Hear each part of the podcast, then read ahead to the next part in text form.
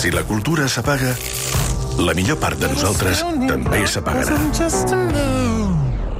No serà mai el mateix, però mentre no puguis arribar a tota la cultura, Catalunya Ràdio i TV3 te la portaran a casa.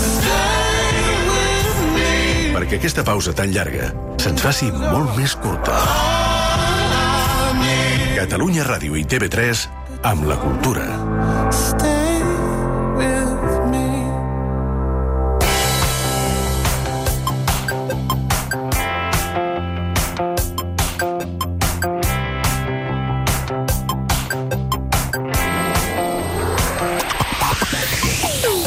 Passen 10 minuts de les 11 del matí. Genís Roca, bon dia. Molt bon dia.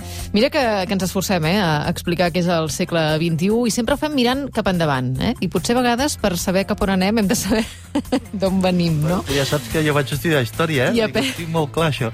aprendre de- d'allò que deixem enrere i per això avui parlem amb una persona que ho està estudiant molt a fons algunes de les qüestions que deixem enrere, oi? Amb qui parlem avui, Genís? Avui parlem amb en Jordi Amat.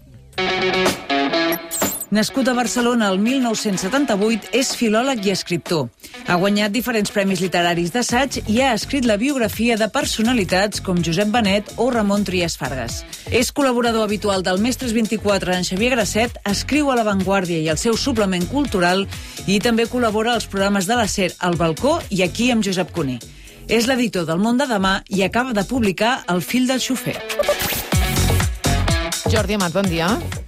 Dia només volia dir que no és que el Genís fos historiador, sinó que era arqueòleg, que, que és molt pitjor. O sigui, ell, ell, ell, ell sap que, uh, que el segle XXI ve del, no sé, del, del 3.000 abans de Cristo. No sé, no sé què deu saber. Escolta'm, el fill del xofer, eh, l'hijo del xofer de, de l'editorial eh, Tusquets, ah, està, està funcionant la mar de bé. Què té, què té aquest llibre? Per qui no l'hagi llegit, Jordi, què té aquest llibre que, que el fa tan atractiu? A veure, aquesta...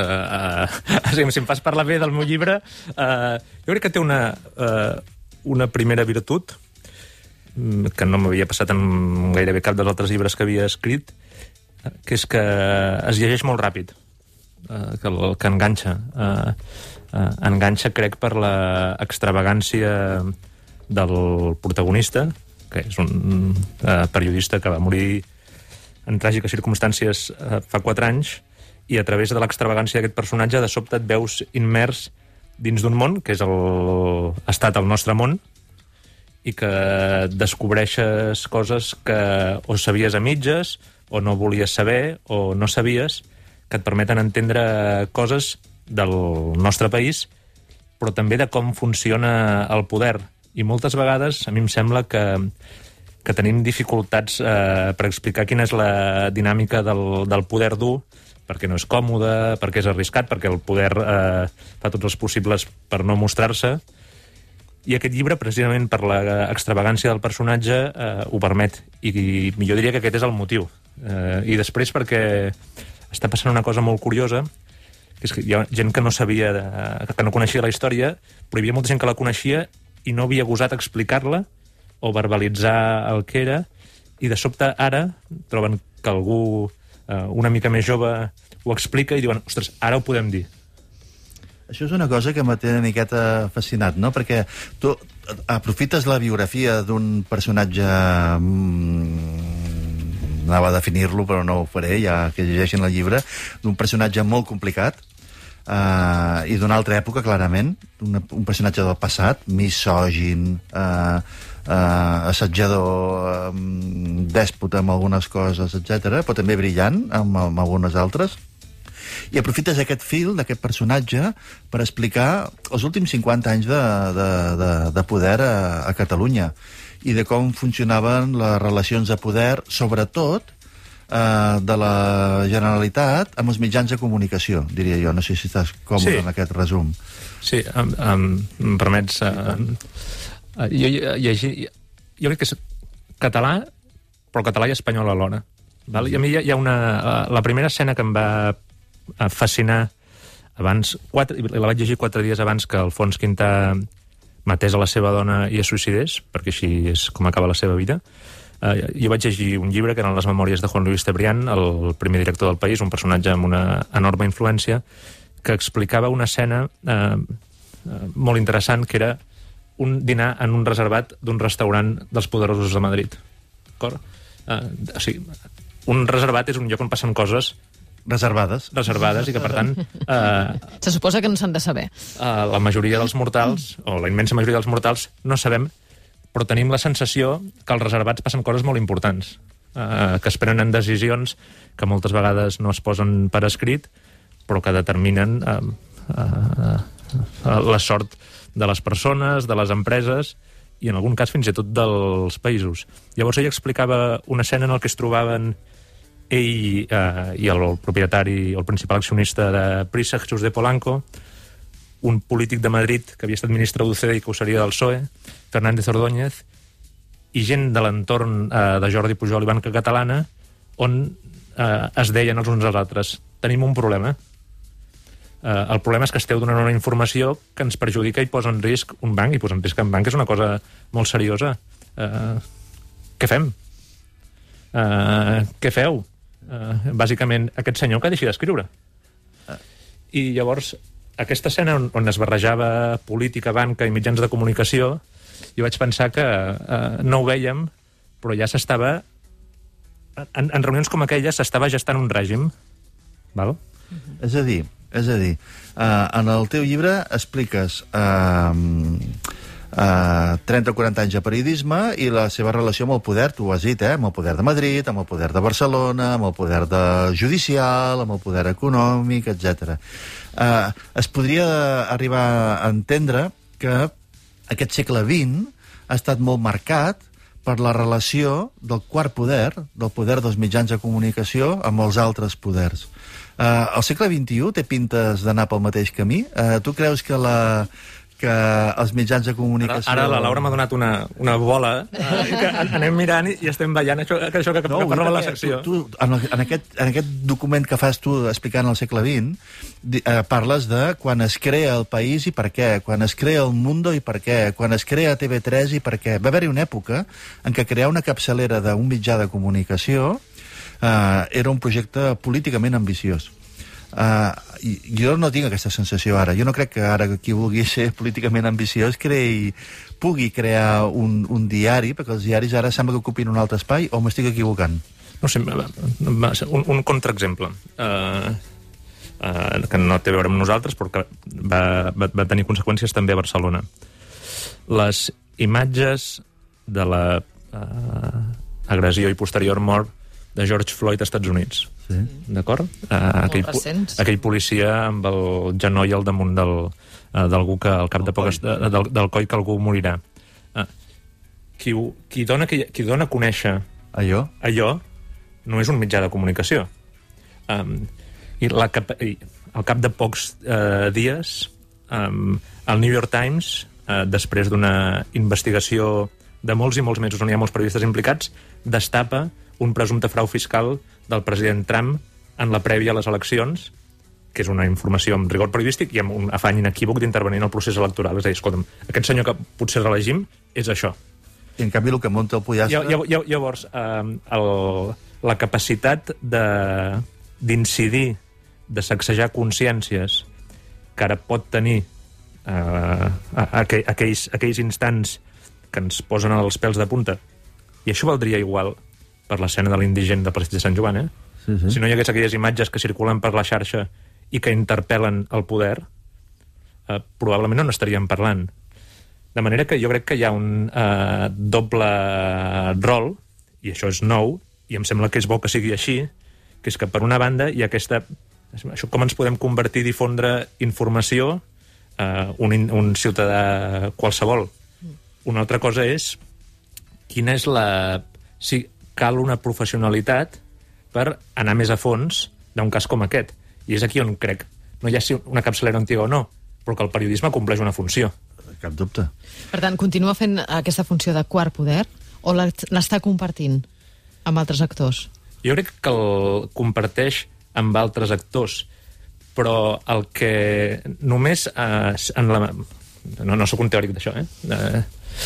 En la mesura que hi ha una empresa sigui pública o privada, fonamentalment privada, que, que es, es diu ella mateixa que vol ser garant de la informació que té professionals que la treballen i la sistematitzen, llavors sí que hi ha un, un, un interlocutor pels altres poders. La persona que penja la fotografia a la xarxa no interlocutarà amb els poders, però cal que, els, que el poder sàpiga que hi ha algú que el vigila i és institucional. I això és el que tenen el, el, els mitjans de comunicació. Uh, hi ha capçaleres que conserven el prestigi, que el renoven, i per tant segueixen tenint un rol important. No és el mateix, les relacions ara són molt més, sortosament són molt més horitzontal, horitzontals que verticals, i crec que aquesta és la diferència. És a dir, que, que, que, la, que, la, que la trama en la, en la que vivim és diferent de la que vivíem eh, quan passava el que explica el llibre. Llegint el teu llibre, eh, uh, jo almenys, eh, poder erròniament, he arribat a la conclusió de que tota l'època del pujolisme, tota l'acció de govern del pujol, l'acció de govern no sé, no poder, no poder m'estic passant ja, però tota l'època del pujolisme va estar molt condicionada, molt marcada pel cas Banca Catalana. És a dir, el, el, el cas Banca Catalana eh, va condicionar els protagonistes. Eh, tenien morts a l'armari, no? i això els feia sospitosos d'alguns perquès amb les seves decisions. No? I això va condicionar actors econòmics, actors judicials, actors polítics, mitjans de comunicació, etc. Um, uh, hi ha una cosa que em fascina, que és, uh, jo no sabia que Jordi Pujol era un dels accionistes fundadors del país. Jo això no ho sabia. Llavors, no entenc com uh, el país, Cebrián, uh, i aquest eh, periodista, que és l'eix del teu llibre, l'Alfons Quintà, l'Alfons Quintà comença a escriure en el País. En el primer número de la primera edició de l'any 76... el, el primer número del País ja escriu Alfons Quintà. I, i, i Alfons Quintà, un temps després, comença a escriure sobre el cas Banca Catalana, dient que ja hi ha un, hi ha un tema que no... que aquell banc té problemes. Uh -huh. uh, I el, pel que expliques en el teu llibre, uh, en aquella època hi havia altres bancs que també tenien problemes, però el fet de posar-los sota el focus mediàtic agreuja el problema, perquè la gent comença a retirar dipòsits, etc. Per tant, aquella acció periodística eh, perjudicava un banc que probablement s'hagués pogut salvar o no, o, o amb, amb, amb responsabilitats o no, però aquella pressió mediàtica el perjudica. Eh, com és que el, el país publica notícies, malgrat que el protagonista de la notícia és un dels accionistes, però en teoria per Mira, això serveix ser accionista, no? per- Per condicionar. Tu, jo no sóc accionista de gairebé res, però no, tinc- la pretensió que, que, que ser, no pensava que sent accionista podies condicionar uh, una empresa de l'IBEX tenint po poques accions. s'ha vist, no, no? Però- Perquè però- eh, ah. aquest home... En, en, això ho lligo amb, una, un, amb un assumpte que plantejaves abans sobre la centralitat de les capçaleres i les noves capçaleres. Eh, tothom que volia tenir un paper en la transició sabia que havia de jugar la carta del país. Sí. I, per tant, la, el, el ventall del, dels primers accionistes són gent del reformisme, sigui del sistema o de fora del sistema, eh, que volen tenir un paper. I eh, això ho explica el Manuel Milian Mestre a les memòries, com em sembla que el, el tope de les accions que es podia tenir a títol individual el Pujol les tenia i, i, altre, i altres persones eh, de Catalunya perquè ell va ser el qui va anar amb la maleta eh, venent les accions és molt interessant el, el tractament informatiu que es fa del cas perquè en general en un diari les informacions sobre un banc les, no, no, les esperem trobar ni a la secció d'esports, òbviament, però tampoc a les de la política. Surten a les seccions d'economia. I aquesta no. I, en canvi, aquesta surt a política. Per tant, ja des del primer moment la consciència que aquesta és una investigació periodística que vol intervenir en la situació política espanyola. I, de fet, eh, eh, buscant informació, una cosa que a mi eh, vaig tenir la xamba de trobar, perquè m'estranya moltíssim que no se n'hagi tret més profit, són els dietaris publicats de Francesc Cabana eh, d'aquell període. I explica molt bé algunes de les reunions que hi ha en reservats i no reservats, però reunions de les que no en queda constància pública. Llavors diu que, no, que ell cada vegada més angoixat perquè sap quines són les conseqüències que pot tenir una informació sobre un banc, que són molt sensibles, i està... Eh, Per qui ens escolti, eh? Francesc Cabana, cunyat de Jordi Pujol i responsable de Banca Catalana. Sí, sí. Eh, Uh, I d'alguna manera qui, uh, qui assumeix uh, el llegat més positiu, qui, qui vol reconstruir el llegat més positiu del banc, jo crec que ho fa amb, amb una gran honestedat. Bé, i, i llavors explica eh, com van aquestes eh, reunions, les pressions i el convenciment que no és atzerós que sortia política. Val? Uh, i, i, I llavors la pregunta de com és que sent accionista Pujol um, surten al diari i no tapen la informació, jo diria perquè és el que el, et diria el director del diari, que és el que li va dir a Francesc Cabanes, diu, és que això que està passant és un motiu d'impeachment. Sí. Diu, Jo tenia la informació fins i tot abans de les eleccions del 80 i la vaig aturar, eh, que ho sàpigues. O sigui, jo, quart poder, sóc conscient de com, com puc intervenir en un procés electoral i que sàpigues que, que vaig fer els possibles, perquè això no, no, perquè, perquè això no, us, no us taqués, eh? Si, si el quart poder eh, és, té la funció de vigilar, qui vigila el quart poder? Laura? Uh, em sento més còmode fent preguntes que responent. No. Uh, una altra pregunta, doncs. no, no digue- diguem-ho d'una altra manera. Els, els lectors, Ah, els sí, és a dir, oients, els consumidors, no? Qui, qui, qui, D'aquesta qui, informació. et dona, qui li dona al mitjà de comunicació l'autonomia per poder actuar en llibertat és l'audiència, és fonamentalment l'audiència. Uh, quan perds audiència, comences a estar condicionat si depens fonamentalment dels anunciants. Mm. Si hi ha menys anunciants i depens de les subvencions públiques, vas perdent quota de llibertat, és evident. I, per tant, les capacitats de fiscalització que exerceixen els mitjans respecte als poders és més limitada. Llavors, llavors, tot, llavors però aquí, eh, eh, eh, aquí, aquí podem fer trampes i anar externalitzant responsabilitats de cadascú. Finalment hem de saber si nosaltres, ciutadans, volem estar ben informats o no i quina és la nostra responsabilitat també com a membres de la societat i, per tant, si entenem que la informació de qualitat és bona, l'hem de pagar. Si no, eh, la que tindràs serà subvencionada Pagada per algú. amb tot el que això implica. Uh, tu creus, uh, Jordi, que les, aquestes maneres de fer, aquestes maneres de funcionar que expliques a, al llibre de, dels poders són uh, compartides, són universals, o és un factor Jo- típicament català o espanyol? Uh, jo, jo crec que uh, no hem de tenir de vanitat la vanitat de pensar que les coses només les fem nosaltres. Les coses bones i dolentes Les fa tothom. les fa tothom, uh, i és bo saber-ho, uh, perquè, perquè si no uh, aniràs amb un llibre a la mà i te'l prendran. Do, dos preguntes. Una, hi ha una que em, que em corrou l'ànima, que és... A veure si No- ho no entenc, pretenia, eh? No, no, no, sí. El, teu, el llibre aquest m'ha deixat en xoc, eh? Una... una ja, ja, si ho faig bé, això, la seqüència. Alfons Quintà és el periodista que comença a burxar el tema banca catalana i el porten als mitjans i comença a incomodar uh, a una persona que serà president de la Generalitat. Val?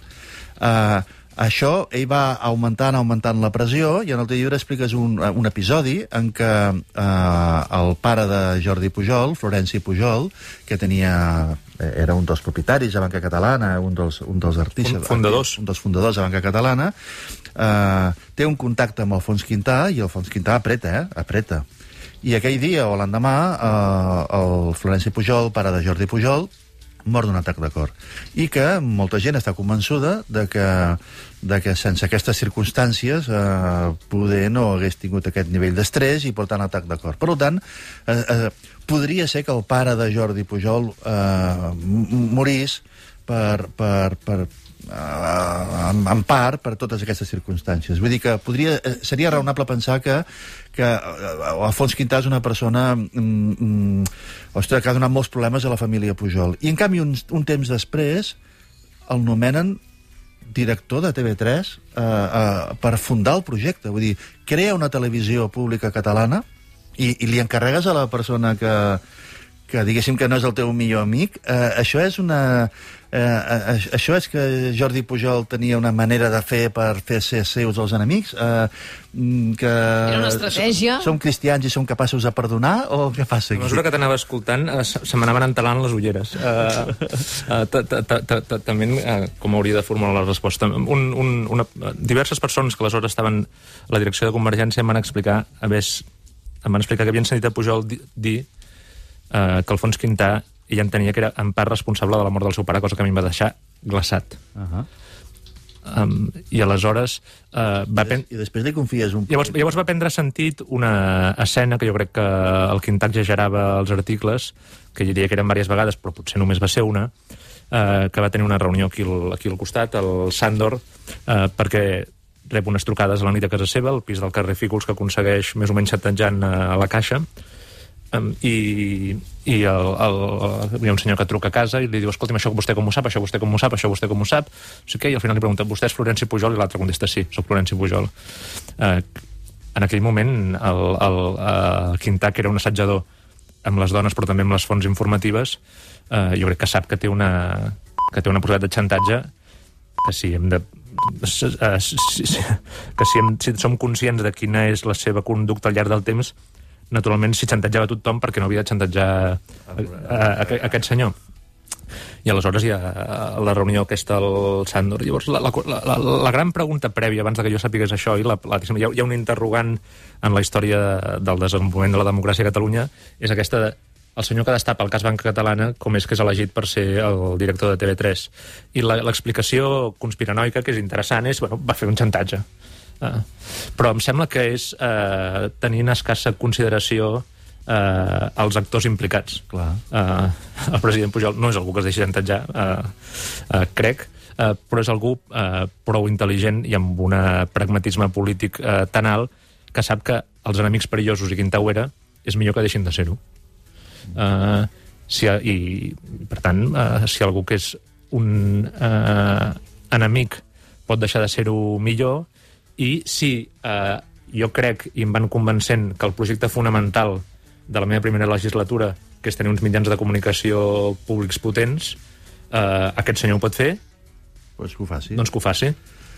Um, has fet un llibre molt, molt, molt ben documentat. Uh, fas una, fas un, gènere, un, gènere, un gènere poc habitual a casa nostra, que és la literatura de no ficció, uh, sinó literatura basada en fets reals.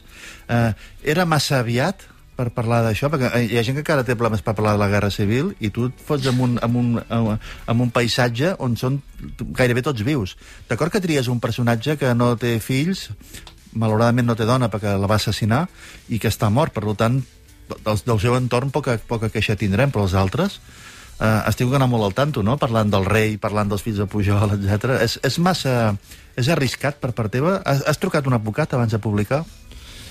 Um, vaig intentar uh, garantir-me que, no que no tindria problemes i que tota vegada que jo podia, podia documentar uh, quina era la font de les afirmacions que feia, això em uh, tranquil·litzava, i després, en aquest punt, a mi el que m'interessava era, era ser tan respectuós com fos possible amb les víctimes. Amb, uh, I això sí que, uh, en la mesura dels possibles, ho he estat sent conscient que explicar això feia dolor. Uh, si no haguéssim estat... Uh, jo aquest és un llibre que escric bàsicament durant el confinament. Um, I em sembla uh, que hi ha un punt de d'inconsciència per part meva a l'hora de dir determinades coses, que si hagués estat en, en, en normalitat social... Parlant amb gent, poder no sé si, contingut. O sigui, ara crec que no sé si, vull dir, no sé si ho hauria fet d'aquesta manera. Sí, honestament, eh? Això, això no és penjar-me cap, cap uh, medalla d'heroïcitat perquè sí. tinc una escassa vocació de, de... En tot cas, estic convençut de que uh, si volem anar cap al segle XXI hem de ser capaços de llegir el nostre segle XX eh, amb, amb, amb aquesta capacitat. De... Jo crec que és un llibre que fa catarsi eh, ens ajuda a conèixer com som i a decidir com volem ser si volem projectar un futur. Per pel, això, pel ressò que està tenint, eh, segur que sí. Jordi Amat, moltíssimes gràcies. Gràcies a vosaltres pel vostre temps. Molta sort eh, amb aquesta doble edició en català i castellà de, del fill de, del xofer. Gràcies. Et seguim, Genís. Fins la propera, eh? Fins la propera. No fluixem, eh?